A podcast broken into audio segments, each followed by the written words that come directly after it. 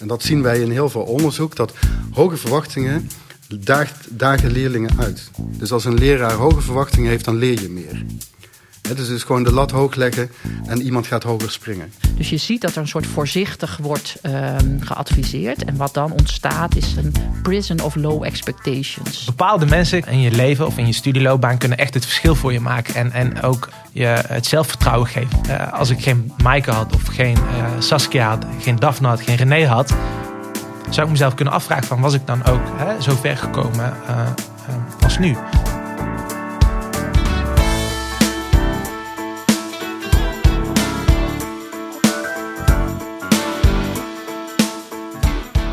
Iedereen is het er wel over eens.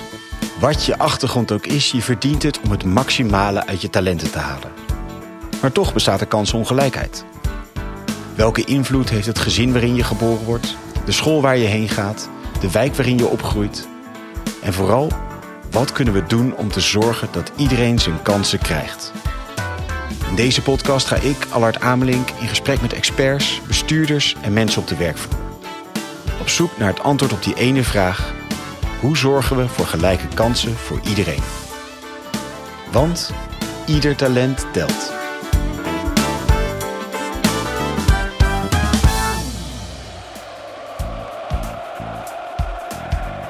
Zoals velen ben ook ik een voetbalfan.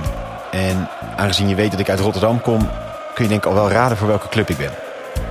Wat ik mooi vind aan de sport is dat nooit helemaal zeker is wie wint. Het is niet een soort som waar altijd hetzelfde antwoord uitkomt. Het hoeven niet de beste voetballers te zijn die winnen of de club met het meeste geld. Nee, door als team goed te spelen, een juiste tactiek te vinden, soms een beetje geluk te hebben, kun je ook als minder team winnen van een in principe veel beter team. Daarbij speelt vertrouwen altijd een ja, ongrijpbare, maar wel heel belangrijke rol. Soms krijgt een ploeg vleugels en weet het boven zichzelf uit te stijgen. En dan kan het een wedstrijd of zelfs een, competitie winnen. Want plotseling lukt alles. En dat is eigenlijk dan vooral omdat iedereen er plotseling in gelooft. Maar dat vertrouwen kan ook verdwijnen. De beste voetballers kunnen er dan plotseling helemaal niets meer van. Alles wat vanzelfsprekend leek, mislukt. De koppies gaan hangen, wordt dan vaak gezegd.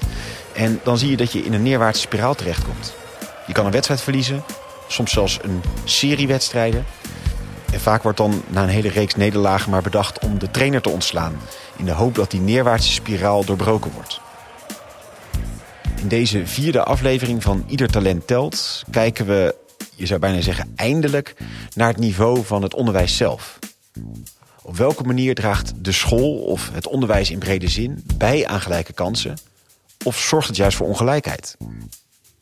In de eerste aflevering maakte Inge de Wolf, hoogleraar in Maastricht en werkzaam voor de inspectie van het onderwijs, een vrij ontluisterend statement over de rol die onderwijs speelt in Nederland. Je ziet zeg maar dat, dat het grote verschil wordt gemaakt door het opleidingsniveau van ouders. Dat is ineens heel erg belangrijk geworden. Dus leerlingen waarvan de ouders niet hebben doorgeleerd, hebben, krijgen eigenlijk steeds minder kansen. En leerlingen waarvan de ouders met name een HBO of een WO-diploma hebben, die krijgen eigenlijk steeds meer kansen. De oorzaak ligt natuurlijk ergens anders. Want op zich is alleen dat je ouders zeg maar, aan de universiteit of over een hogeschool hebben gestudeerd, maakt natuurlijk niet uit.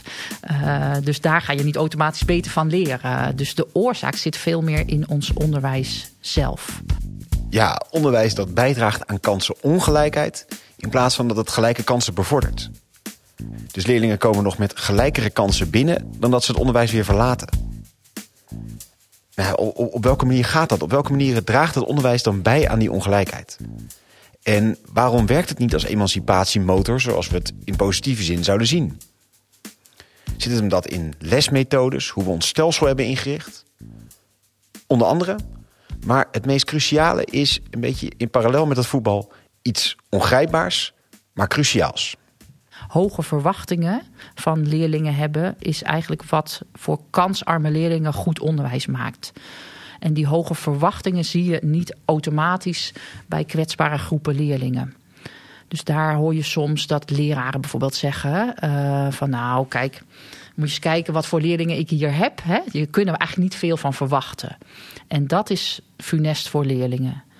Ja, de verwachtingen die leraren hebben van leerlingen zijn dus enorm bepalend voor die kansen van die leerlingen. Allereerst maar eens even, op basis waarvan ontstaan die verwachtingen? Op basis waarvan worden die bepaald? Je hoort Eddie Denissen, hoogleraar in Leiden en universitair hoofddocent in Nijmegen. Dat is eigenlijk een heel ja, bekend sociaal-psychologisch mechanisme dat je groepsbeelden opbouwt gedurende je loopbaan, gedurende je ervaring met verschillende groepen leerlingen. En dat die doorwerken in uh, hoe jij naar uh, leden van zo'n groep kijkt. Want als je heel veel kinderen uit arbeidersgezinnen hebt gezien, die zich tot een bepaald niveau laten uitdagen, dan is de volgende die in jouw klas komt, die is daar een onderdeel van, van, dat, van, die, van dat groepsbeeld. En dat groepsbeeld gaat zijn werk doen in de uitdaging of in de verwachtingen die je over die leerling vormt. Die verwachtingen worden dus bepaald door schema's en ordeningen die je in je hoofd hebt. Op basis van het opleidingsniveau van de ouders, of van de sociaal-economische achtergrond, of culturele achtergrond, of het gender van een kind, schat je hem of haar hoog of laag in. Maar op welke manier werkt dat vervolgens door in het onderwijs? Ja, dus de verwachtingen bepalen voor een heel groot deel uh, welke instructies je leerlingen geeft, welke oefeningen je leerlingen geeft, welke feedback je leerlingen geeft. Dus jouw leermogelijkheden die jij biedt in een les, die stem jij af op wat jij denkt dat een leerling kan. En dat zien wij in heel veel onderzoek, dat hoge verwachtingen daagt, dagen leerlingen uit. Dus als een leraar hoge verwachtingen heeft, dan leer je meer. Dus, dus gewoon de lat hoog leggen en iemand gaat hoger springen. Het is dus heel belangrijk om een leerling op de juiste manier uit te dagen. Eh, niet te veel, want dat, dat kan ontmoedigen. Maar zeker dus ook niet te weinig. Dat maakt het ook heel erg lastig om ehm, niveaudifferentiatie toe te passen. Omdat niveaudifferentiatie gebaseerd is op inschattingen van wat een leerling aan kan.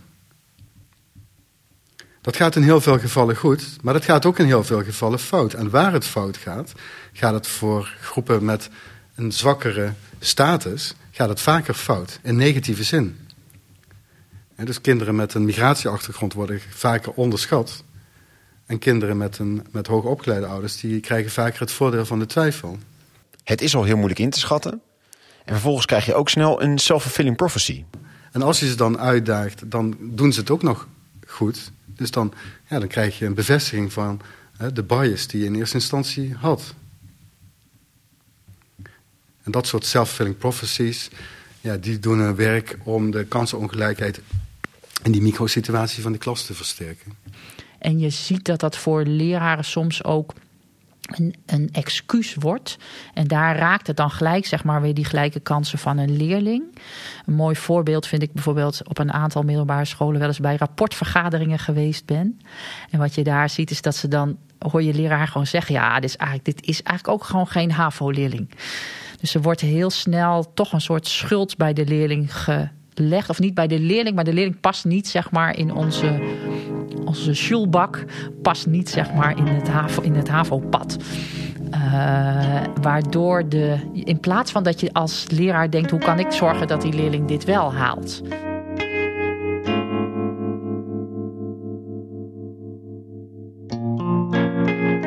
De leerling past niet in de schulbak van ons onderwijsstelsel. Die shoebak waarin op ongeveer 12-jarige leeftijd bepaald wordt in welke van de zeven verschillende schoolniveaus een leerling terechtkomt. Het lastige van die shoebak is dat als jouw schijfje eenmaal in een van die vakjes zit, het heel moeilijk is om nog in een ander vakje terecht te komen. Volgende aflevering kijken we kritisch naar dat stelsel zelf. Maar het beeld van de shoebak, dat gaan we deze aflevering nog wel vaker tegenkomen. Hoge en lage verwachtingen spelen dus een belangrijke rol. In de instructies die je geeft in een les, in de manier waarop je een leerling benadert. En ook op dat hele bepalende moment van dat schooladvies. Dat schooladvies komt in hoge mate tot stand op basis van de verwachtingen die een leraar heeft van een leerling. En die verwachtingen worden weer bepaald door die ingesleten patronen die Eddie net noemde. Maar soms zie je ook dat leraren op een bepaalde manier meewegen in wat voor context een kind opgroeit. Dus als een leraar bijvoorbeeld verwacht dat ouders een kind niet kunnen helpen bij het maken van huiswerk, dan zie je dat ze dat kind toch soms wat lager inschatten, omdat ze denken dat dat uiteindelijk beter is voor die leerling. Kortom, ze proberen mee te wegen wat we eigenlijk in de vorige twee afleveringen hebben gezien. Of de basis op orde is en of je de juiste rijke prikkels krijgt. Je ziet heel vaak dat leraren wel kinderen vinden dat kinderen misschien een hoger advies aan kunnen. Maar vanwege hun werkhouding adviseren ze toch voorzichtig. Nou, wat we daar zien is dat eigenlijk leerlingen daarmee uh, minder kansen krijgen. En eigenlijk toch een soort onderschat worden. Terwijl het ook ja, leraren terecht misschien denken van ja, maar die werkhouding is wel belangrijk in ons Nederlands onderwijs. dus in het voortgezet onderwijs ga je wel huiswerk moeten maken. Kan je dat wel? Of kan je dat wel als je in een gezin woont waar heel veel kinderen zijn en waar je geen eigen studieplek hebt? Dus je ziet dat er een soort voorzichtig wordt um, geadviseerd. En wat dan ontstaat is, vind ik wel mooi wat een collega-wetenschapper Boon Pol altijd zegt, een prison of low expectations. Dus leerlingen komen dan in een soort gevangenis van lage verwachtingen. En dat zit heel erg ook in ons systeem. Dus deels zit het bij de leraar met de verwachtingen, maar het zit ook in het systeem waar we eigenlijk in het basisonderwijs al met niveaugroepen werken en al heel snel kinderen in een, in specifieke kinderen in een achterstandsgroep zetten. Maar dat zit ook bij de hele de indeling van ons Nederlands onderwijs, waar we denken dat we leerlingen in heel veel verschillende niveaus al heel vroeg kunnen indelen. En daarmee zet je eigenlijk steeds een groep weg waar we dan een soort structureel lage verwachtingen van gaan hebben. Uh, en daar, soms past dat bij kinderen.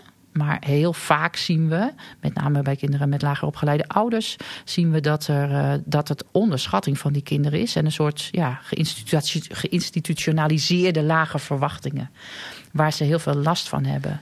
Je ziet dus eigenlijk dat twee krachten op elkaar inwerken. Allereerst zijn die verwachtingen heel dominant in het onderwijs. Die zijn heel belangrijk voor welke instructies je krijgt in de les. Hoe je leraar je benadert. Of die heel veel in je investeert, ja of nee. Daarnaast hebben we een stelsel waarin die verwachtingen al heel vroeg op spits gedreven worden. Want in groep 8 wordt er al een keuze gemaakt. En al eerder wordt er al niveaudifferentiatie toegepast binnen groepen. Kortom, we hebben een stelsel dat heel fanatiek sorteert, waardoor die verwachtingen die er altijd zijn, die altijd meespelen, nog sterker meespelen. Vandaar dus die gevangenis van lage verwachtingen die Inge noemde. Dat heeft ook Tjare Ekman aan de lijve ondervonden. Je hoorde hem vorige aflevering ook. Hij is de consultant van Berenschot. Hij vertelde toen al even dat hij een stapelaar is, maar we horen hem nu uitgebreider over hoe dat zo gekomen is. Ik heb, ik heb op twee uh, basisscholen gezeten. Uh, uh, de eerste basisschool eh, was, was heel erg divers. verschillende soorten jongens, meisjes met verschillende soorten afkomsten. Daar voelde ik me heel prettig bij. En ehm, vervolgens heb ik op een witte basisschool gezeten. En, en ja, daar ehm, ging het wat minder lekker. ook minder lekker met mijn studieresultaten. terwijl ik ja, wel aanleg had om, om te leren. Nou goed, ik had, uh, um, mijn CITO, ik had mijn CITO-toets. En uh, nou, mijn CITO-score was uh, iets van 5,33 of 5,36.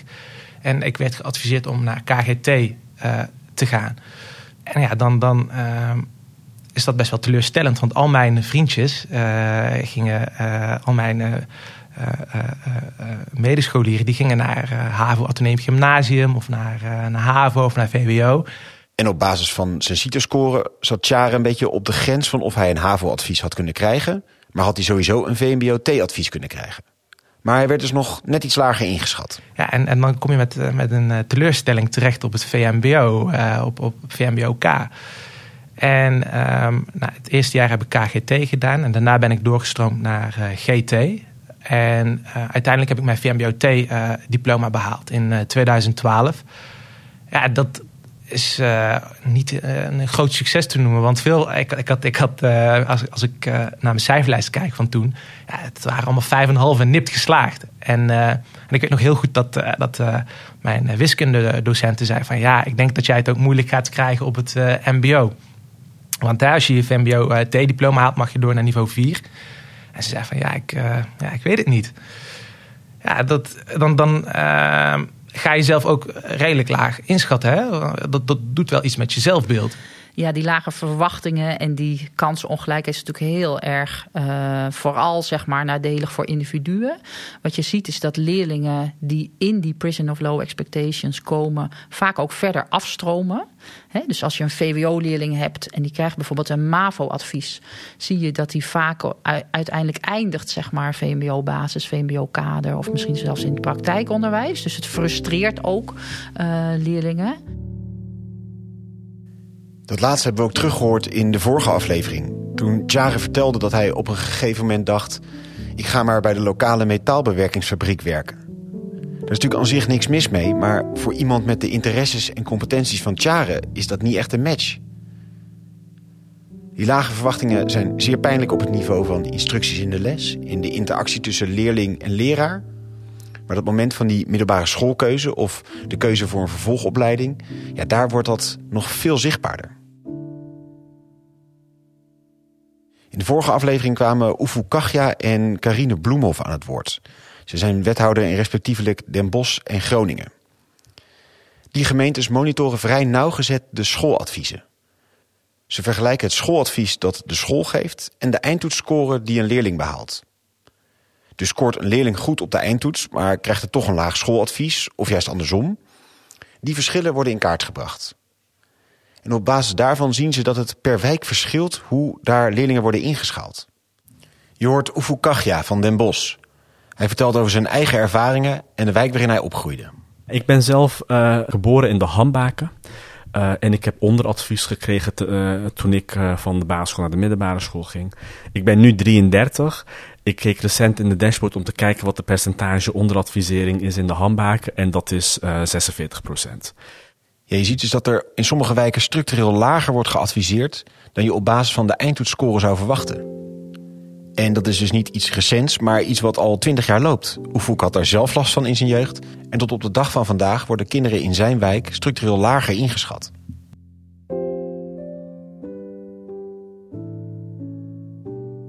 Zo'n vroege selectie kan dus echt grote gevolgen hebben. Tjare is een echte doorzetter en straks zullen we ook horen... hij is in contact gekomen met de juiste mensen. Maar dat had ook anders kunnen aflopen. En dan was dus een talent verloren gegaan... omdat hij in een vroeg stadium een verkeerd advies heeft gekregen. Er zijn verschillende initiatieven die proberen die knip tussen het basisonderwijs... en het voortgezet onderwijs wat minder hard te maken. Een van de voorbeelden is de brede brugklasse... Daar proberen ze een soepelere overgang te maken van de basisschool naar de middelbare school. Om te voorkomen dat leerlingen te vroeg vast komen te zitten in het verkeerde vakje van de schoolbak. Je hoort wethouder Karine Bloemhoff uit Groningen. Eh, de inzet op, op bredere brugklassen. Zijn ook uh, belangwekkende rapporten daarover uh, verschenen. Uh, dat biedt een antwoord op, op de vroege selectie die toch wordt gemaakt. Dat leerlingen toch langer bij elkaar kunnen zitten. En dat kan in de vorm van dakboombrugklassen, dat het MAVO-HAVO is of HAVO-VWO of juist de hele range. Nou, we hebben het geluk dat we in Groningen de laatste middenschool van Nederland hebben. Andere gemeenten willen weer terug naar de middenschool. Dat heet het Leon van Gelder. Dat is een ontzettend goede school. Uh, komt ook goed uit de inspecties elk jaar, waarbij kinderen de vier jaar lang van alle niveaus, van VMBO tot VWO, bij elkaar zitten. En uh, nou, daar ben ik eigenlijk ontzettend trots op, want dat is, hij heeft de tand destijds doorstaan. En we krijgen elke keer nog een uitzonderingspositie, want uh, ja, dat is allemaal heel strak volgens de inspectie. maar ik weet dat andere gemeenten in het land bezig zijn om weer te kijken of ze middenschool kunnen organiseren, maar die hebben wij gelukkig nog. In de vorige aflevering hoorden we ook initiatieven van de gemeente Den Bosch en het Marnix Gymnasium om met speciale extra klassen een brug te slaan tussen het basisonderwijs en het voortgezet onderwijs. En zo jongeren een extra zetje te geven naar het niveau waar ze naar willen. En het voorbeeld wat Carine net noemt, de middenschool, is wel een ultieme versie van het oprekken van de huidige mogelijkheden van het stelsel. En zoals gezegd, volgende aflevering kijken we nog een stap verder naar of die vroege selectie überhaupt wel een goed idee is. Verwachtingen spelen dus een grote rol bij die overgang van het basisonderwijs naar het voortgezet onderwijs. Maar los van dat stelselvraagstuk is het natuurlijk ook belangrijk om te kijken naar wat dat verwachtingspatroon doet in het onderwijs zelf. Zoals we hebben gehoord heeft weinig vertrouwen krijgen een negatief effect. Maar veel vertrouwen krijgen heeft een positief effect. Dat heeft ook Tjare ervaren toen hij op het mbo zat. En ik had uh, een docente, Maaike van Wijk heet ze. En uh, zij was altijd enthousiast over mij. Van nee, uh, ja, je doet het goed, hè? leuk. En, en ja, je, valt op, Tjare. Wat, wat ben je goed bezig? En nou, ik denk, hé, hey, dit gaat goed, weet je. dus, dus ik had mijn eerste jaar ja, had ik het best wel goed gedaan. En nou, mijn opleiding duurde drie jaar. dat was de opleiding juridisch medewerker. En ja, dat heb ik met vlag en wimpel behaald. En Tjare kreeg de smaak te pakken. Hij wilde wel doorstuderen en naar het mbo door.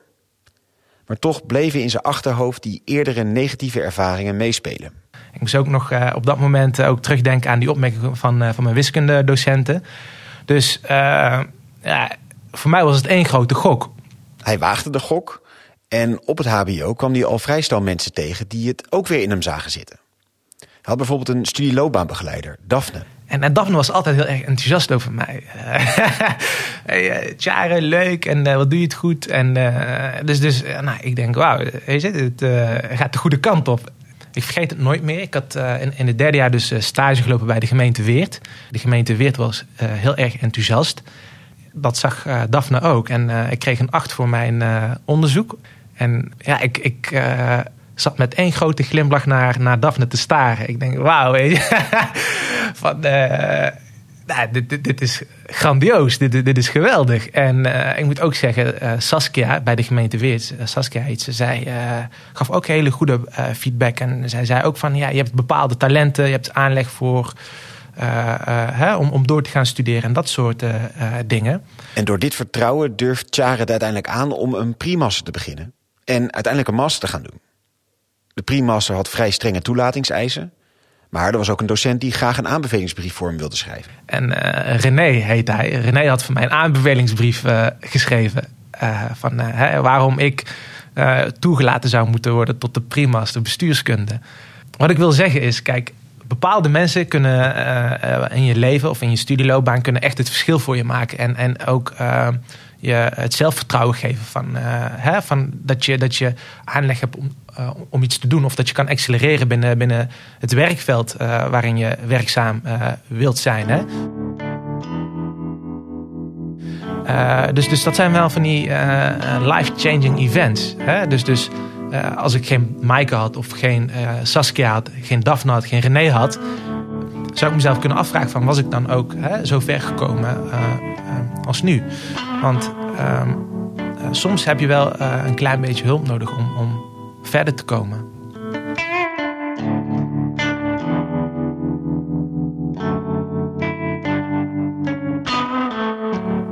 Dit is een prachtig verhaal van Tjare. Hij is op de juiste mensen gestuurd die hem precies een zetje in de rug hebben kunnen geven, die hem hebben kunnen stimuleren, die hem vertrouwen hebben gegeven, waardoor Tjare ook zelf ging inzien dat hij veel kon. Alle lof voor die mensen die hem hierbij geholpen hebben en hem ja, uit die prison of low expectations hebben gehaald en hebben gezien dat hij hartstikke getalenteerd is. En dat dat talent niet verloren moet gaan. Maar hoe voorkom je nou dat dit blijft hangen bij bepaalde individuen... die ja, toevallig het zien in iemand of niet? die dan net wat meer vertrouwen hebben toevallig dan een ander. Hoe kun je hier structureel wat aan doen? Bijvoorbeeld als onderwijsinstelling of als school. We gaan voor de laatste keer langs bij het Marnix Gymnasium, mijn oude middelbare school. Je hoorde ze al in de eerdere afleveringen. We hoorden toen dat ze door middel van een betere informatievoorziening, uh, door het inzetten van talentklassen, steeds diversere leerlingen aan zich hadden weten te binden qua culturele achtergrond en qua het opleidingsniveau van de ouders van die leerlingen. Maar vervolgens deed zich een nieuw probleem voor, want deze nieuwe groep leerlingen bleek een stuk lastiger vast te houden voor de school. Je hoort opnieuw Kees Kom en Jolande de Beer. Kijk, wat, wat, wat we het meest ingewikkeld vonden was uh, de afstroom uit klas 3 en 4. Want eigenlijk denk je, als je eenmaal in klas 3 of 4 zit, dan uh, heb je eigenlijk het niveau wel. Klas 1 en 2, dan kan nog wel zijn dat je misschien toch, uh, nou ja, dat het niveau toch nog een beetje te hoog gegrepen was. Maar klas 3 en 4, dan ga je er eigenlijk vanuit dat dat er wel in zit. En uh, er was ook het gevoel bij deze kinderen, bij docenten, van ja, het, ze kunnen het wel.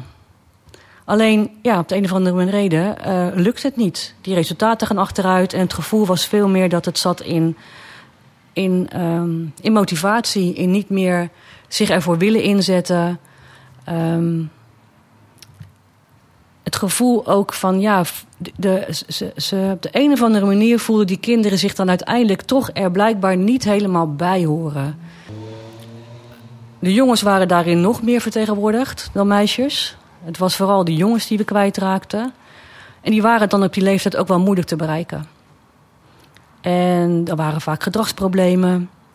Uh, zocht het conflict op. Uh, ja, en dan, uh, dan gaat het best snel met... dan, ja, dan, dan ben je niet meer zo geliefd. En dan gaan je cijfers achteruit. En dan is het heel vaak einde aan het eind van de vierde. En daar hadden wij toch altijd wel heel veel moeite mee. Iedereen. Het gevoel dat je gefaald had. Dat je de jongens kwijtraakte. En dan kun je natuurlijk gaan denken van... ja, misschien horen bepaalde kinderen gewoon niet thuis op het gymnasium. En ga je denken, laat maar zitten, het, het is gewoon niet anders. In het begin was het nog heel erg... Ik heb ook letterlijk wel gehoord in de personeelskamer van... nou ja, wat moeten die kinderen hier ook? Latijn en Grieks. Ach, moet je, die horen hier niet. Jolande stuitte op het werk van Ilias El Hadioui onderwijssocioloog verbonden aan de Erasmus Universiteit in Rotterdam. Die had in die tijd een, een, een, boekje geschreven hoe de straatcultuur de school binnenkomt. Dat had ik gelezen.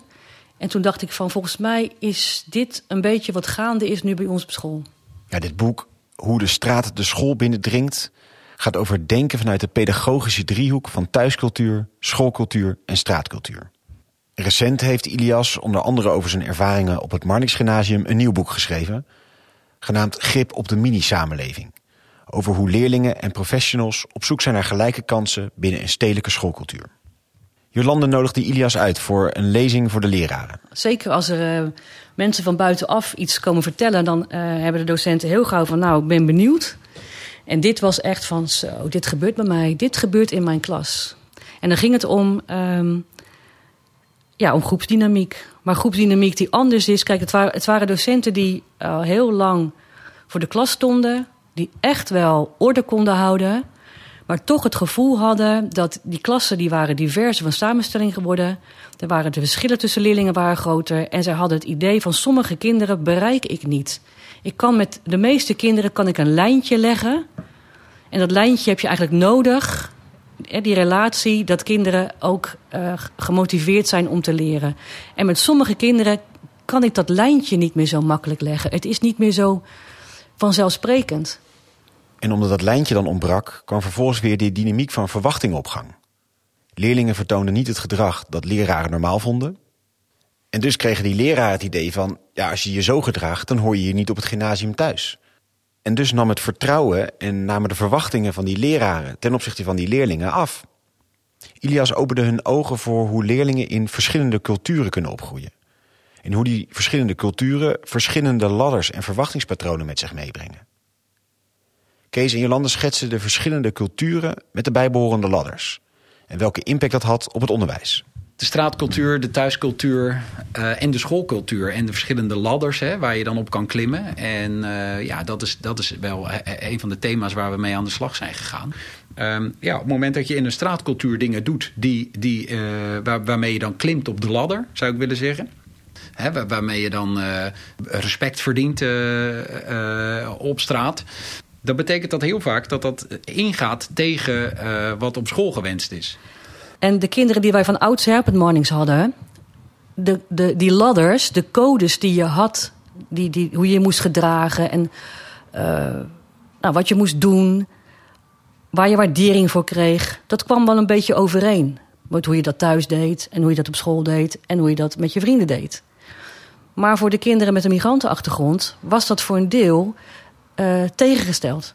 Dus die komen op school en die wisten soms niet helemaal hoe je dan eigenlijk op die schoolladder kon klimmen. Wat had je daar nou, wanneer kreeg je nou waardering? Met welk gedrag was daar nou eigenlijk de bedoeling? Of als ze zich uh, niet prettig voelden, schoten ze naar gedrag wat op straat wel punten verdiende.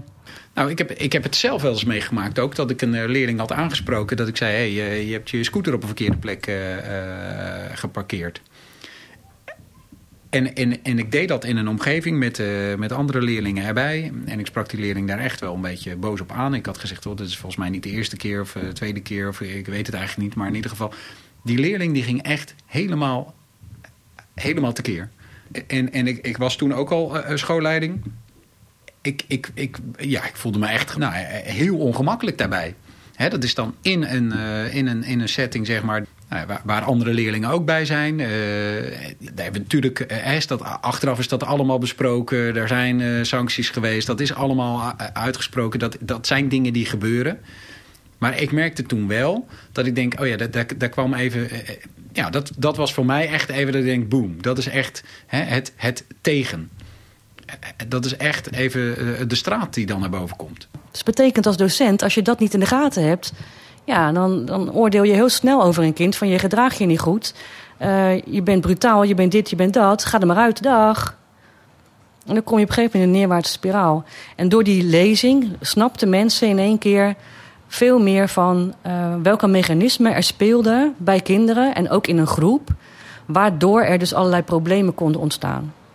Dus in plaats van het alleen maar te projecteren op de leerlingen, dat die zich maar beter of anders moesten gedragen. En dat ze anders niet passen op een gymnasium. Ging het Marnix inzien dat leerlingen van elkaar verschillen. En dat het soms dus iets anders vraagt om leerlingen op een goede manier te begeleiden in het onderwijs. De vervolgvraag was natuurlijk, wat kun je dan praktisch doen? Toen we eraan begonnen dachten we echt van, nou komt er een gereedschapskist en dan gaan we de, en dan halen we de ene keer de hamer eruit en dan en dan zo. Nee, die gereedschapskist die bleek er niet te zijn. Maar die gereedschapskist, die ben je natuurlijk eigenlijk zelf. En die docent is dat zelf. En die moet zich zeker voelen in de klas dat hij het kan, dat hij het vertrouwen kan hebben.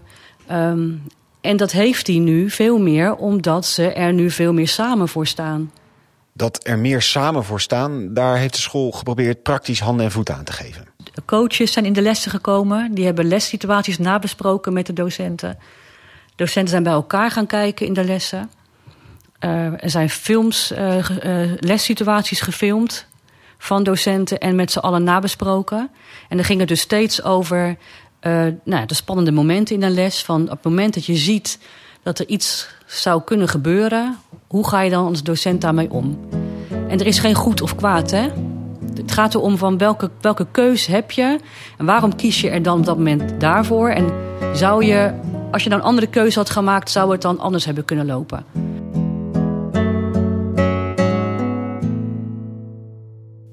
Het draaide eigenlijk dus het hele gesprek om. In plaats van de school en de manier waarop de school ingericht is centraal te stellen, werd andersom gekeken naar wat hebben leerlingen nodig? Hoe kunnen we op een goede manier het onderwijs zo inrichten dat het op hen aansluit? Eddie Denissen vindt deze omkering van denken, dus niet redeneren vanuit de school, maar redeneren vanuit het kind, een fundamentele. Eentje die veel dominanter aanwezig zou moeten zijn in het onderwijs. heel veel beleid is gericht op het uh, verbeteren, tussen aanhalingstekens, van de thuissituatie. Terwijl je ook, als je wat kritischer kijkt naar uh, die cultuurverschillen tussen school en thuis, kun je ook afvragen of de school niet veel meer op de thuissituatie van lage opgeleiden moet lijken. En met een andere manier van communicatie, uh, met veel meer aandacht voor hoe, wat kinderen thuis wel leren. En daar meer op inhaken. Dus waarom zouden de ouders zich moeten aanpassen aan de school en niet andersom? En dat is de vraag aan de onderwijspraktijk. Kun jij niet responsiever zijn naar andere culturen? dus in hoeverre heb jij een hoogopgeleide norm in jouw pedagogische praktijk in de klas, die de andere cultuur op achterstand zet? En dat is een hele ingewikkelde discussie, omdat degenen die het onderwijs vormgeven, dat zijn allemaal mensen die hebben gestudeerd en die zelf hoger opgeleid zijn. Dus die zitten ook een beetje in dat frame van de culturele gewoontes die wij kennen van school en uh, in gezinnen uh, met een bepaald opleidingsniveau. En dat betekent niet dat het niveau van het onderwijs omlaag moet. Of dat het daarmee minder zou worden. Nee, je moet die diversere samenstelling van je school juist als een verrijking van het onderwijs zien. Zo vroeg Ilias El Hadioui aan de leraren van het Marnix. Heb je wel eens gevraagd in de afgelopen periode... wie van jullie spreekt meerdere talen uh, thuis? En, en, en dan niet om, om te focussen op een taalachterstand in het Nederlands, maar juist om te kijken naar welke verrijking dat nou is. Op een school, op een gymnasium, waarbij je natuurlijk eh, klassieke talen hebt eh, en daarnaast zeg maar alle moderne vreemde talen. Ehm, hoeveel kinderen spreken er hier eigenlijk wel niet ook nog Russisch bijvoorbeeld? Of Servisch, of Turks, of Marokkaans, of noem het allemaal maar op. En, en wat een enorm ja, potentieel dat eigenlijk ook is als je het hebt over taal. Natuurlijk, al die kinderen horen hier. Latijn en Grieks is voor alle kinderen die, hè, die daarin geïnteresseerd zijn heel mooi. En die kunnen dat ook allemaal. Alleen voor sommige kinderen moet je net even een stapje anders zetten of een stapje harder zetten. En dat doen we dus ook. Dat is echt een wereld van verschil. Dus het zit meer in de verandering van mindset van de docenten. Dan, ehm, ja, dat is, dat, is, dat is wat er veranderd is, de mindset. Door een cultuur van hoge verwachtingen te creëren en door begrip te hebben voor de context waar leerlingen uitkomen. Niet ze wegzetten omdat ze anders zijn dan je gewend bent, maar zien dat ze misschien gewoon net wat andere ondersteuning nodig hebben. Of dat het iets anders van jou als docent vraagt. Een cultuur van hoge verwachtingen creëren. Volgens Inge de Wolf is dat inderdaad wat nodig is om het onderwijs weer een motor van kansengelijkheid te laten zijn. Maar hoe doe je dat? Een paar simpele regels kun je met elkaar afspreken in de school. Bij twijfel altijd het hoogste kiezen als je bij een leerling twijfelt. Nooit het laagste. Een ander voorbeeld vind ik mooi van een school in Den Bosch waar ik ooit was. Die hadden een potje en iedere keer als iemand zei de leerling kan het niet of wil het niet, moesten ze een euro in dat potje doen. En met een week was de cultuur veranderd op de school. Dus dat soort dingen, elkaar daarop aanspreken, er bewust van zijn, daar aandacht voor hebben, zijn eigenlijk hele simpele dingen die je kunt doen om hoge verwachtingen te realiseren. Dat is uiteindelijk het allereffectiefst voor leerlingen. Maar er zijn nog meer dingen die goed werken. Het valt Inge de Wolf op hoe in Nederland relatief weinig wetenschappelijke inzichten worden gebruikt in het onderwijs. Ze noemt het voorbeeld van directe instructie. Het onderzoek blijkt dat het buitengewoon nuttig is, maar het is niet altijd heel erg populair binnen het onderwijs. Ja, directe instructie is dat je eigenlijk klassikaal instructie geeft. Dus dat je uh, ja, duidelijk uitlegt aan leerlingen en dat je veel herhaalt en dat je ze er ook mee laat oefenen. Dus het is het meer het, wat wij als beeld als klassikaal onderwijs hebben. En je ziet dat voor verschillende groepen leerlingen verschillende typen onderwijs goed werken. En klassikale instructie of directe instructie werkt eigenlijk voor alle leerlingen, maar met name voor leerlingen die achterstand hebben opgelopen. En leerlingen nou ja, waar het leren minder makkelijk gaat, die hebben ongelooflijk veel baat bij directe instructie. En je ziet ook dat de scholen die dat zijn gaan doen, hè, een aantal scholen in Nederland die over zijn gegaan om het bijvoorbeeld in het bestrijden van leerachterstanden tot directie instructie, daar zie je ook dat nou ja, de leerlingen daar gelijk de vruchten van plukken. Dus dat bijvoorbeeld de taal- en rekenprestaties daar heel sterk omhoog gaan. En ze noemt nog een ander voorbeeld. Het extra bijspijkeren van leerlingen met een achterstand. Daarvan weten we dat bijvoorbeeld tutoring, dus het één op één begeleiden of één op twee, dus in hele kleine groepjes met leerlingen aan het werk gaan, dat is ongelooflijk effectief om achterstanden weg te werken. Sterker nog, tutorprogramma's kunnen ook bijvoorbeeld in het voortgezet onderwijs een leerling een heel niveau hoger brengen als je dat een paar maanden doet. Dus het wetenschappelijk bewijs is niet alleen in Nederland, maar in alle landen zien we heel erg sterke effecten van tutoring. Het mooie daarvan is dat ook zeg maar niet per se de leraar dat hoeft te doen, maar ook een coach dat kan doen of een klasassistent. Dus iedereen die niet klassenmanagement hoeft te doen, één op één instructie kan een veel grotere groep uh, doen. En wat zelfs heel effectief is en in Nederland nog weinig gebruikt wordt, is medeleerlingen andere leerlingen laten helpen. Dat heet in de wetenschap dan peer tutoring. Dat is een van de ook effectiefste aanpakken om achterstanden weg te werken en aan gelijke kansen te werken. Dus laat zeg maar klasgenoten andere klasgenoten helpen. Of laat oudere leerlingen jongere leerlingen helpen. Tegelijkertijd moeten we bij zulke soort inzichten wel waken voor het idee dat er een soort silver bullet is, zegt Eddie Denissen.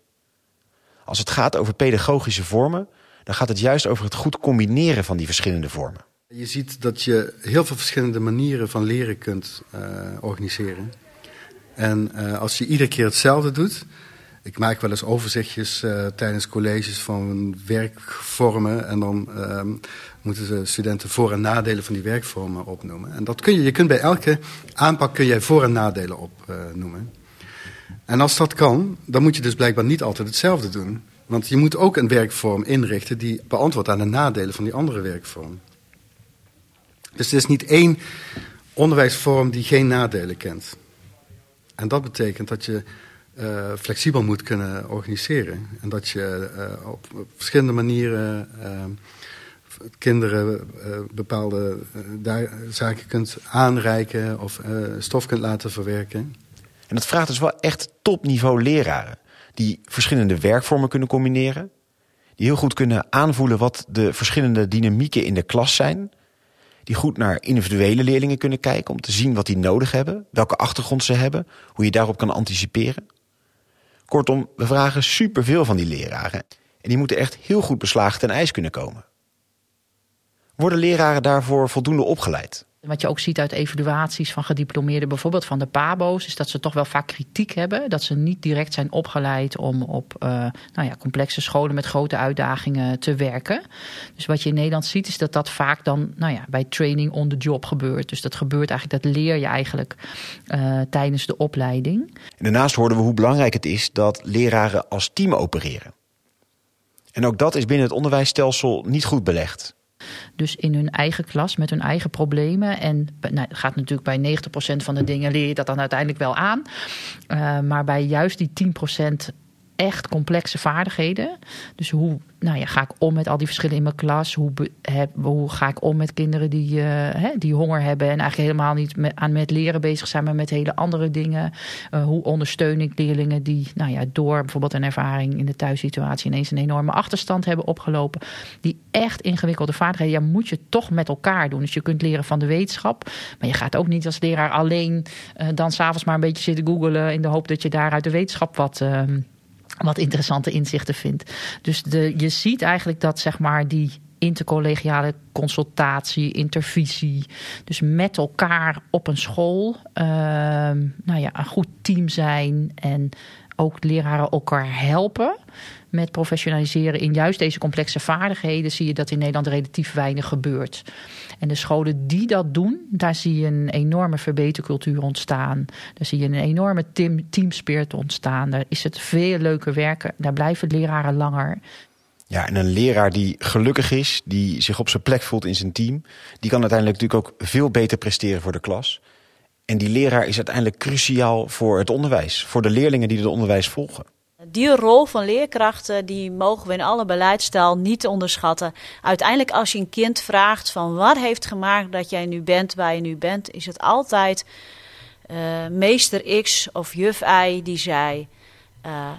Ja, wat kun je dit goed, die je heeft gestimuleerd, die je het beslissende setje in het leven heeft gegeven. Dus ja, die rol van de, van de leerkracht is echt heel belangrijk als het gaat om gelijke kansen. Ik vind ook echt dat dat meer gewaardeerd mag worden. Dat daar echt een betere beloning tegenover moet komen te staan. En, en dat we dus echt moeten blijven investeren in de kwaliteit van het onderwijs. In de kwaliteit van onze leerkrachten. Want daar ligt echt wel de sleutel. Het is moeilijk om die rol van de leraar te overschatten. Die kan echt het verschil maken in het leven van een jongere. Allereerst dus door vertrouwen te hebben en hoge verwachtingen te hebben. Het zien zitten in leerlingen. En daarnaast door heel goed te kijken wat leerlingen nodig hebben. Welke achtergrond hebben ze? Op welke manier kun je daar op een goede manier mee omgaan? En dat is een zware, moeilijke taak. Want er komt een hoop bij kijken. Je moet een hoop competenties hebben. En daar moeten we leraren echt goed op voorbereiden. En belangrijk is dat ze wellicht wel in hun eentje voor de klas staan, maar dat ze er niet alleen voor staan. Als school moet je een team vormen. Want uiteindelijk ben je er samen voor al die leerlingen.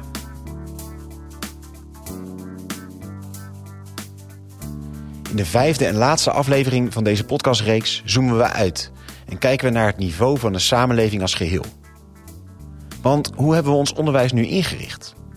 Klopt het stelsel wel zoals we het hebben? En hoe moeten we omgaan met diplomadruk? Het idee dat een hoger diploma altijd beter is. Zetten we daarnaast de juiste leraren wel op de juiste plek? En hoe hangen ongelijke kansen in het onderwijs samen met de ongelijkheid in de samenleving? Je hoort het in de volgende aflevering van Ieder Talent Telt.